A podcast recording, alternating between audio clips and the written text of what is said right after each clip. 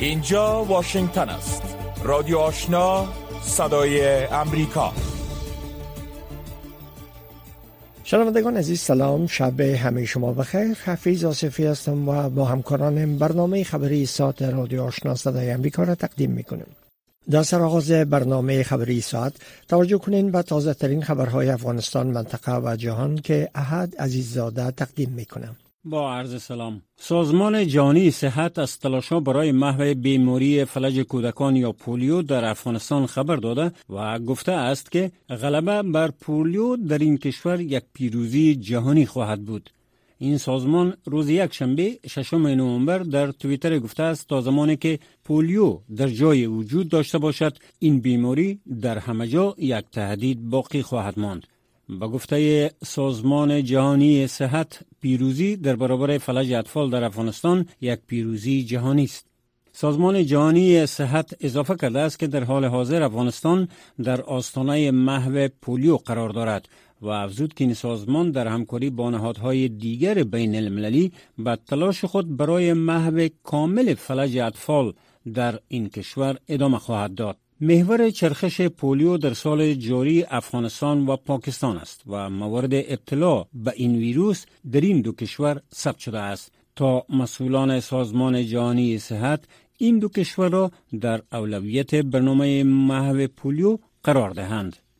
رامز الکبروف معاون هماهنگ کننده امور کمک های بشری سازمان ملل متحد در افغانستان می گوید که مردم این کشور در پرتگاه تغییرات اقلیمی ویرانگر استادند و حکومت فیلی در افغانستان تهدیدهای ناشی از آن را باید جدی بگیرد.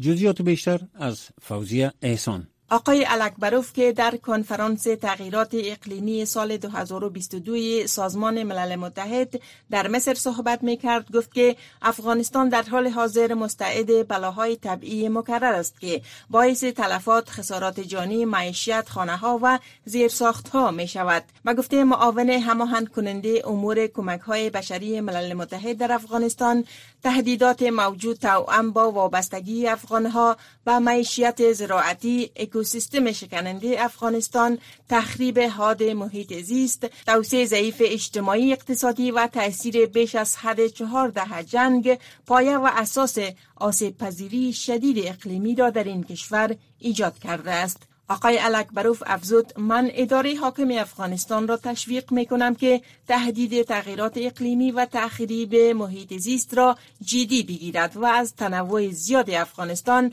برای گرده هم آوری همه اقشار جامعه افغانستان برای مقابله با این تهدیدها استفاده کند. این در حال است که افغانستان قبلا شاهد چندین سال خشکسالی بوده است و سیلاب های سال روان و زلزله شدید در جنوب شرق این کشور در ماه جون به گفته این مقام سازمان ملل متحد جوامع را در سراسر مناطق روستایی ویران کرده و تصویری از آنچه احتمالا در راه است ارائه کرده است. به گفته آقای اکبروف این مردم عادی افغانستانند که بیشتر آسیب را در هنگام وقوع شوک های اقلیمی می‌بینند. ادامه اخبار متقاضیان پاسپورت می‌گویند که با گذشت حدود یک ماه از توقف روند توزیع پاسپورت این روند تا هنوز از سر گرفتن نشده است این متقاضیان پاسپورت تاکید می کنند ادامه متوقف ماندن روند توزیع پاسپورت سبب تأخیر در کارهای آنان و درمان بیمارانشان شده است. ریاست عمومی پاسپورت وزارت داخله حکومت طالبان حدود یک ماه پیش با نشر اعلامیه اعلام کرد که روند توزیع پاسپورت را متوقف کرده است. در اعلامیه ریاست عمومی پاسپورت حکومت طالبان علت این کار مشکلات فنی گفته شده و از متقاضیان پاسپورت خواسته شده بود که منتظر اطلاع بعدی این ریاست باشند. خبرهای منطقه و جهان را از رادیو آشنا صدای امریکا مشنوید. رسانه های دولتی و سپاه پاسداران ایران روز یک شنبه اعلام کردند که چهار افسر پلیس آن کشور و یک به گفته آنان تروریست در حوادث جداگانه در درگیری های آن کشور کشته شدهاند. بیش از هفت هفته تظاهرات سراسری در ایران به دلیل کشته شدن محسا امینی خانم 22 ساله کرد ایرانی در بازداشت پلیس اخلاق تهران را به لرزه درآورده است. در جریان نارامی های گستردهتر در گیری های در ولایت سیستان و بلوچستان که هم مرز با پاکستان و افغانستان است به دلیل تجاوز ادعا شده به یک دختر نوجوان محلی توسط یک رئیس پلیس آغاز شده است. رسانه های رسمی بدون اشاره به زمان و علت اختلاف شخصی میان سربازان پلیس اعلام کردند که چهار افسر پلیس در سیستان و بلوچستان کشته شدند. علیرضا سیاد قماندان انتظامی منطقه در گفتگو با خبرنگار ایرنا گفت این حادثه در یکی از پرسه های پلیس راه در محور ایران شهر بمپور موجب شهادت معموران پلیس شد. سیستان و بلوچستان فقر زده مدت هاست که مرکز درگیری با شورشیان اقلیت بلوچ گروه های افراطی مسلمانان سنی و باندهای قاچاق مواد مخدر بوده است. اداره رئیس جمهور بایدن رهبران اوکراین را تشویق می کند تا در مذاکره با روسیه آمادگی نشان دهند. خبرگزاری رویترز به نقل از گزارش روزنامه واشنگتن پست می نویسد که از رهبران اوکراین خواسته شده تا به طور عمومی اشتراکشان را در مذاکرات با روسیه رد نکنند مگر اینکه ولادیمیر پوتین از قدرت برکنار شود اما شورای امنیت ملی قصر سفید تاکنون درباره صحت این گزارش روزنامه واشنگتن پست تبصره نکرده است سخنگوی وزارت دفاع امریکا گفته که کرملین به شدت این جنگ را ادامه می دهد. به گفته او کرملین حتی قبل از آغاز تهاجم تمام ایار خود به اوکراین از شرکت در مذاکرات با کیف تمایل نشان نمی‌داد. در حال از حل صلحآمیز جنگ اوکراین بحث می شود که نیروهای این کشور در 14 نقطه در شرق در برابر تجاوز نیروهای روسی دفاع کردند. این فرمانده نظامی اوکراین امروز یکشنبه گفت که نیروهای روسی حملاتشان را به اهداف ملکی در چندین نقطه در شرق اوکراین ادامه دادند. ولودومیر زلنسکی رئیس جمهور اوکراین می‌گوید که کشورش 90 تانک نو تی 72 را که در شوروی سابق دیزاین شده بود دریافت خواهد کرد. زلنسکی دیروز شنبه در توییت گفت که از هالند ایالات متحده امریکا و جمهوری چک به خاطر فراهم کردن حمایت قابل ملاحظه و ضروری صمیمانه سپاسگزاری می کند. وی افزوده است که قوای مسلح اوکراین در حال پیشروی و به این تجهیزات نظامی نیاز دارند. وزارت دفاع امریکا روز جمعه گفت که تانک ها از سوی جمهوری چک در حال فراهم شدن به اوکراین است و این تانک ها به کمک مالی ایالات متحده امریکا و هالند نوسازی می شوند. یک سخنگوی پنتاگون یا وزارت دفاع ایالات متحده گفته است که برخی از این تانک ها تا اواخر ماه دسامبر باید برسند. مقام های ایتالیایی روز یک شنبه از پیاده شدن 35 مهاجری که آنان را آسیب پذیر نمی دانستند از قایق در سسلی در حال جلوگیری کردند که دولت راست افراطی ایتالیا موضع سخت علیه کشتی های امدادرسان خصوصی در آبهای ایتالیا اتخاذ کرده است. تأثیر دستور عملی که توسط متنو پیاندوستی وزیر داخله ایتالیا ارائه شده در جریان یک شب آشکارتر شد.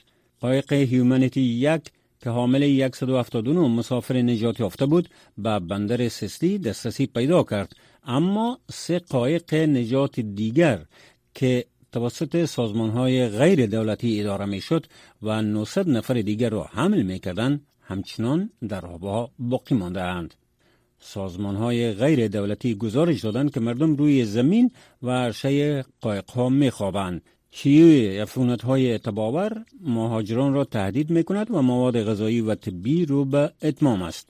برخی از مهاجران بیش از دو هفته است که در داخل کشتی ها به سر می‌برند. مقام های مؤسسه خیریه آلمانی SOS Humanity تصمیم ایتالیا را برای تفکیک مسافرانی که آسیب پذیر می شوند یا نه مورد سوال قرار داد. این سازمان گفت که همه مسافران کشتی در آبها نجات یافتند و این به تنهایی آنها را واجد شرایط برای یک بندر امن توسط قوانین بین المللی می سازد. واسل شاوزل سخنگوی SOS Humanity روز یک شنبه گفت که همونطوری که همه نگران بودند به همه اجازه پیاده شدن دادن نشد. و خبر اخیر جوغدان بغدلا قانونگذار اروپایی روز شنبه جایگزین مربی خود مغین لوپن در رأس حزب راست افراطی فرانسه شد و متعهد شد که از تمدن فرانسه در برابر تهدیدات ناشی از مهاجرت محافظت کند. او از یکی از اعضای حزب که اظهارات نجات پرستانه در پارلمان ایراد کرده بود دفاع کرد.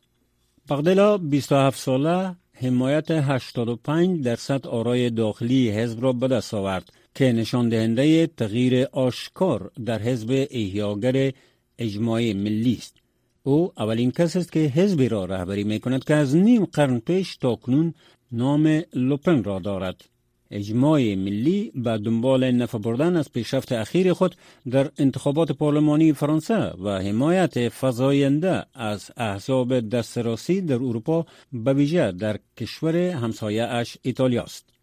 پایان اخبار افغانستان، منطقه و جهان از رادیو آشنا صدای امریکا تا این ساعت.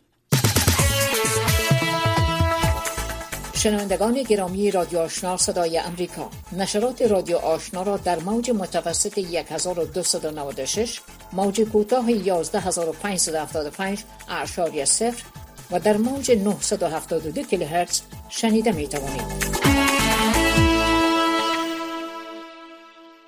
خبرهای افغانستان منطقه و جهان از رادیو آشنا صدای امریکا شنیدین. آل هم گزارش های ای برنامه وزارت خارجه حکومت طالبان ادعای نیکولای پتروشف منشی شورای امنیت ملی روسیه را مبنی بر نقش داشتن ایالات متحده در ایجاد گروه رد کرده.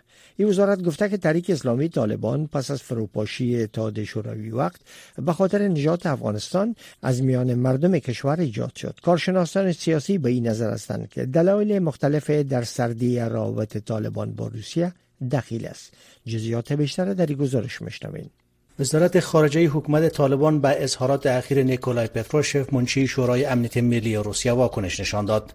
نیکولای پتروشف روز پنجشنبه هفته گذشته ادعا کرد که امریکا به منظور رسیدن به اهداف ژئوپلیتیک خود گروه طالبان داعش و شبکه القاعده را ایجاد کرده است. اما حافظ ضیا احمد معاون سخنگوی این وزارت ضمن رد این اظهارات گفت د طالبانو اسلامي تحریک د پخواني شوروي اتحاد لما تحریک اسلامی طالبان پس از فروپاشی اتحاد شوروی به خاطر نجات کشورشان جنبش برخاسته از میان مردم بود که در وطن خود برای نظام اسلامی جنگید. علاوه بر آقای پتروشف قبلا ولادیمیر پوتین رئیس جمهور روسیه نیز گفته بود که تندروان گروه دولت اسلامی یا داعش و دیگر سازمان های تروریستی تلاش می‌کنند تا وارد کشورهای مستقل مشترک منافع شوند. زبیح الله مجاهد سخنگوی حکومت طالبان حضور گروه های تروریستی در افغانستان و تقویت آن علیه سایر کشورها را رد کرد. آقای مجاهد روز شنبه در یک نشست خبری گفت که کسانی که مربوط به داعش یا سایر افراد گفته و فتنه انگیز هستند تا افغانستان را بی ثبات بسازند اجازه نخواهند یافت که تحرک داشته باشند. سخنگوی حکومت طالبان در رابطه با نگرانی مقامات روسی گفت تشویش‌هایی که در این مورد اظهار میشه از هر طرفی که باشه نادرست است. تشویش های ما رد می‌کنیم انشاءالله افغانستان اجازه نمیده که دیگر خاکشان علیه کدام کشور دیگر استفاده صورت بگیره. و در این مورد بعضی تشویش هایی که در سطح رئیس جمهوران اظهار میشه قابل تاسف است. آنها باید وضعیت را درک بکنن که وضعیت فعلی افغانستان از سالهای گذشته متفاوت تر است با امنتر است با ثبات است و زمینه زندگی خوب فراهم در کنار این مسائل حکومت طالبان در نشست فرمت مشورتی مسکو درباره افغانستان نیز دعوت نشده است. وزارت خارجه حکومت طالبان نشست روسیه را بدون حضور نمایندگان طالبان ناقص خوانده است. این وزارت با اذعان امنیت سراسری در افغانستان و مرزهایش تعامل سیاسی اقتصادی و امنیتی با همسایه ها کشورهای منطقه و جهان تاکید کرده است که حضور نداشتن حکومت طالبان در نشست مسکو می تواند تاثیر منفی بر تعامل داشته باشد. و باور کارشناسان رد و بدل چنین اظهارات میان مقامات روسیه و طالبان به انگر سردی روابط دو جانب است. کارشناسان امور به این عقیدند کاشکار شدن روابط ایالات متحده و طالبان دیدار مقامات استخباراتی دو جانب در قطر و افزایش ورود کمک ها به افغانستان که تحت نظر مستقیمی ایالات متحده است. همه و همه سبب سوءظن روسیه چین و سایر رقبای ایالات متحده به طالبان شده است. اسدالله ندیم و حکمت الله حکمت کارشناسان سیاسی. اینا همه دلایلی است که مسکو سیاست داره که نسبت به طالبان سوءظن پیدا می‌کنه رابطش. روس‌ها به گرمی امیدوار بودند که با طالبان با نوعی رابطه برقرار کنند. تا بعضی افراد اشخاص هم مثل لابی فرستادن که لابیگری کنه اما هیچ کدامشان نتیجه نداد. بالاخره گمان میکنم روزها به این نتیجه رسیدن که طالبا سیاست مشخص دارند این وجه سیاست خارجی طالبان متوجه امریکاست به سوی امریکاست نه به سوی روسیه و دیگر قدرت های منطقه ایجاد روابط از طریق پاکستان با ایالات متحده امریکا در واقعیت بازیگران منطقوی و بین را به این تشویش انداختند که اگر امارت اسلامی با امریکا کنار بیاین ممکن است به فرمول جنگ سرد باز هم جغرافیای افغانستان علیه منافع کشورهای چون چین، روسیه، هندوستان، ایران استعمال شوند. احمد سعیدی دیپلمات پیشین افغان نیز گفت که روسیه، چین، ایران و برخی دیگر کشورهای منطقه به این باور بودند که بعد از خروج امریکا از افغانستان و با به قدرت رسیدن طالبان حکومتی به وجود خواهد آمد که زیر سایه ایالات متحده نخواهد بود.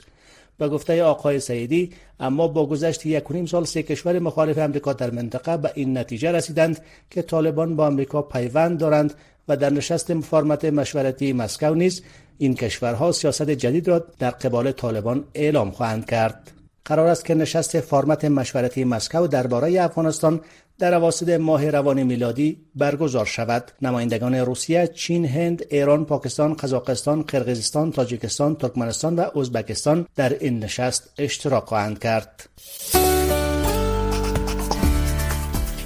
شنوندگان گرامی رادیو آشنا صدای امریکا نشرات رادیو آشنا را در موج متوسط 1296 موج کوتاه 11575 اشاری سفر و در موج 972 کیلوهرتز شنیده می توانید. شنیدید که وزارت خارجه حکومت طالبان ادعای یک مقام روسی را که گفته بود امریکا در ایجاد گروه طالبان نقش داشته رد کرده. نیکولا پتروشف منشی شورای امنیت ملی روسیه روز پنج شنبه سیوم ماه نوامبر ادعا کرده که امریکا به خاطر رسیدن به اهداف جیوپلیتیک خود گروه طالبان داعش و شبکه القاعده را ایجاد کرده.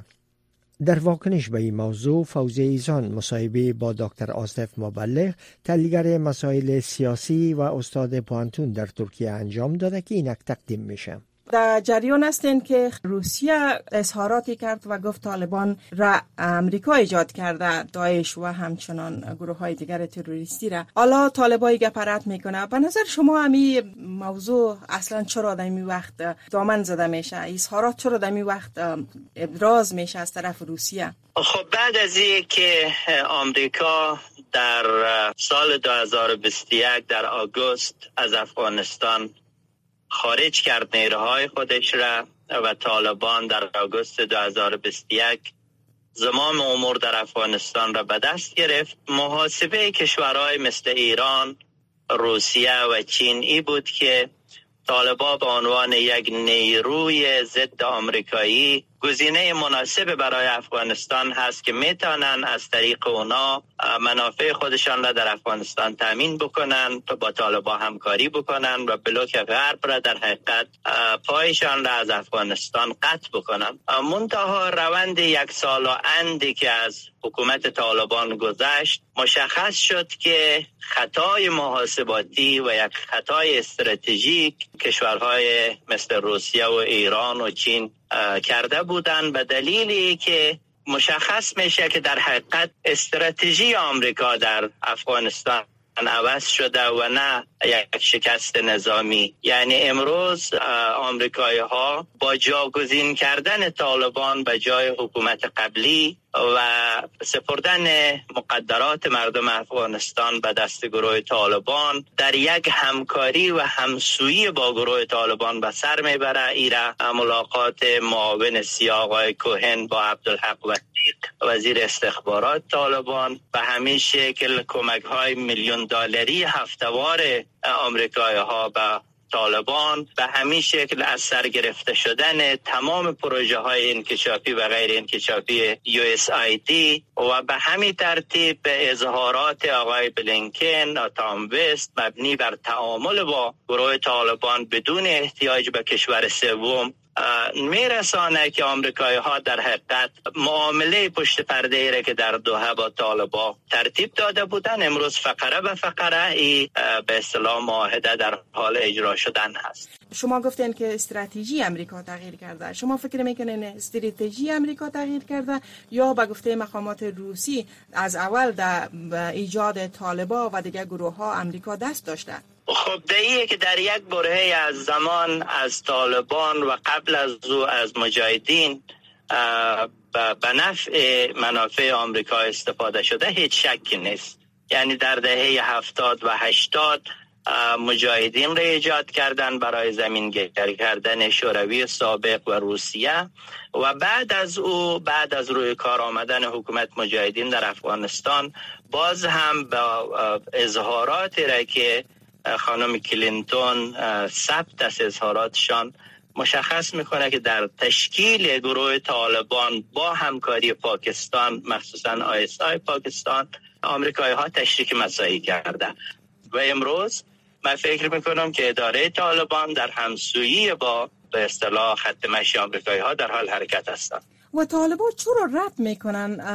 همین تقویتشان و همکاری امریکا را در ایجادشان یا در حمایت از اینا. بر طالبا چی مشکل است که روابطشان از زیاد همیشه کوشش می‌کنن با امریکا رد کنن؟ خب طالبان کسانی که در رأس قدرت قرار دارند با شعارهای خاصی در بدنه جامعه مخصوصا پشتون افغانستان ظهور پیدا کرده. دو تا فاکتور را اونا بسیار رویش تاکید کردن و همیشه خواستن که چهره مسلمانان مبارز متحد به منافع پشتون را از خودشان به نمایش بگذارند.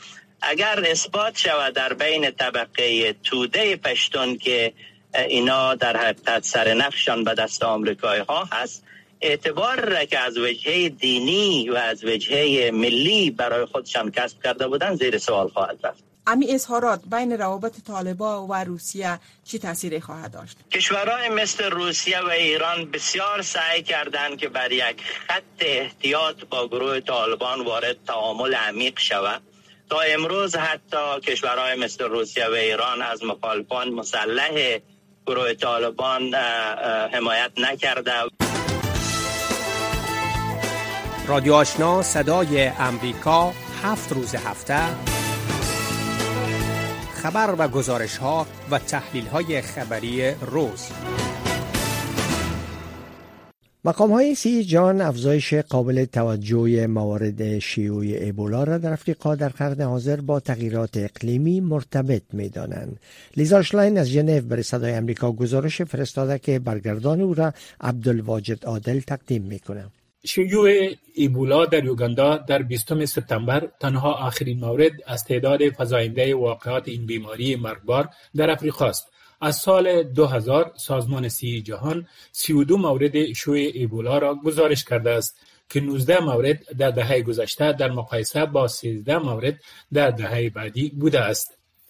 ایبولا یکی از انواع وسیع از امراض مشترک بین انسان و حیوان است عفونتهایی که منشیان حیوانات است و به انسان سرایت می کند. تجزیه و تحلیل سازمان صحت جهانی نشان می‌دهد که ایبولا و سایر تبه های ویروسی که باعث خونریزی می شود تقریبا 70 درصد از این همگیری ها را تشکیل می دهند. سی درصد باقی مانده شامل تب دنگی، سیازخم، تاون و آبله میمون است. پاتریک اوتیم مدیر حوادث افریقای سازمان جهانی صحت برای شیوع ایبولا در یوگاندا روز پنجشنبه گفت تعداد امراض مشترک بین انسان و حیوان که در دهه گذشته در منطقه رخ داده است بیش از 63 درصد افزایش یافته است. تحقیق کنندگان وجود داشتند که ارتباط احتمالی را بین تغییرات اقلیمی که ما شاهد آن هستیم و افزایش امراض مشترک بین انسان و حیوان و برای مثال در این مورد خاص ایبولا نشان دادند. او تیم گفت که امراض توسط عوامل متعددی به میان میاد با افزایش جمعیت و رخنه کردن مردم به محل زیست حیات وحش تعامل با حیوانات افزایش می‌یابد و گفته وی این امر باعث افزایش سرایت امراض به انسان می شود. او تیم گفت گرمی و تغییرات اقلیمی همچنین مهاجرت و جابجایی برخی از میزبانان ویروس ایبولا را تحریک می کند. Then for the Ebola virus, we know that the bats and other uh, animals are hosts. برای ویروس ایبولا ما می‌دانیم که خفاش ها و سایر حیوانات میزبان این ویروس خاص هستند بنابراین هنگامی که آنها از مناطقی که مثلا خشکسالی وجود دارد یا مناطقی که دیگر برای آنها مساعد نیست حرکت می کنند و به مناطق مساعد می روند ممکن است به منطقه نقل مکان کنند که جمعیت انسانی در آن ساکن است و بنابراین تعامل آنها با انسان افزایش می یابد. سازمان جهانی صحت می گوید ایبولا اکنون به هفت منطقه در یوگاندا فراتر از مرکز اصلی آن در ناحیه موبنده گسترش یافته است. آخرین گزارش ها تعداد مبتلایان را 131 نفر از جمله 48 مورد مرگ نشان می دهد. این شوی بولا در یوگاندا ناشی از نوع به اصطلاح سودانی آن است که هیچ واکسین برای آن وجود ندارد. سازمان صحت جهانی گفت که چندین واکسین امیدوار کننده به زودی تحت آزمایشات کلینیکی قرار خواهند گرفت تا مفید بودن آن را در برابر ایبولا ارزیابی کنند.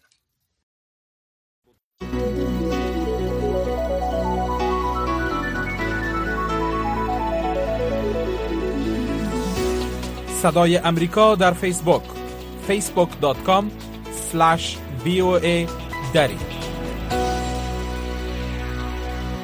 ولکر تورک کمشنر عالی حقوق بشر سازمان ملل متحد خواستار از سرگیری آتش بس با میانجیگری سازمان ملل متحد در یمن شده که میعاد او یک ماه پیش به پایان رسیده و منجر به افزایش بیشتر تلفات غیر نظامیان شده.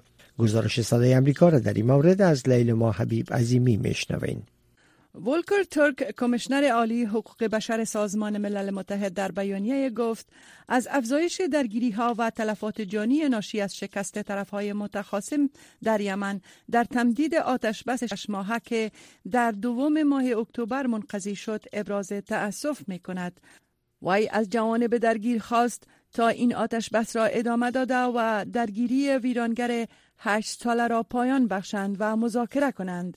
جرمی لارنس سخنگوی حقوق بشر سازمان ملل متحد می گوید که نیروهای حوسی الله در یمن تا حد زیاد مقصر تلفات و جراحات است که گزارش شده است. او می‌گوید که تایید شمار تلفات غیر نظامی دشوار است اما دفتر او موفق شده است که سه رویداد گلوله‌باری توسط شورشیان مورد حمایت ایران در قلمرو تحت کنترل دولت را و نیز سه حادثه شلیک ها توسط نشان زنان را تایید کند. لارنس با توجه به اینکه آتش بس با میانجیگری سازمان ملل متحد به وضوح کارساز بود این وضعیت را اسفبار خوانده گفت.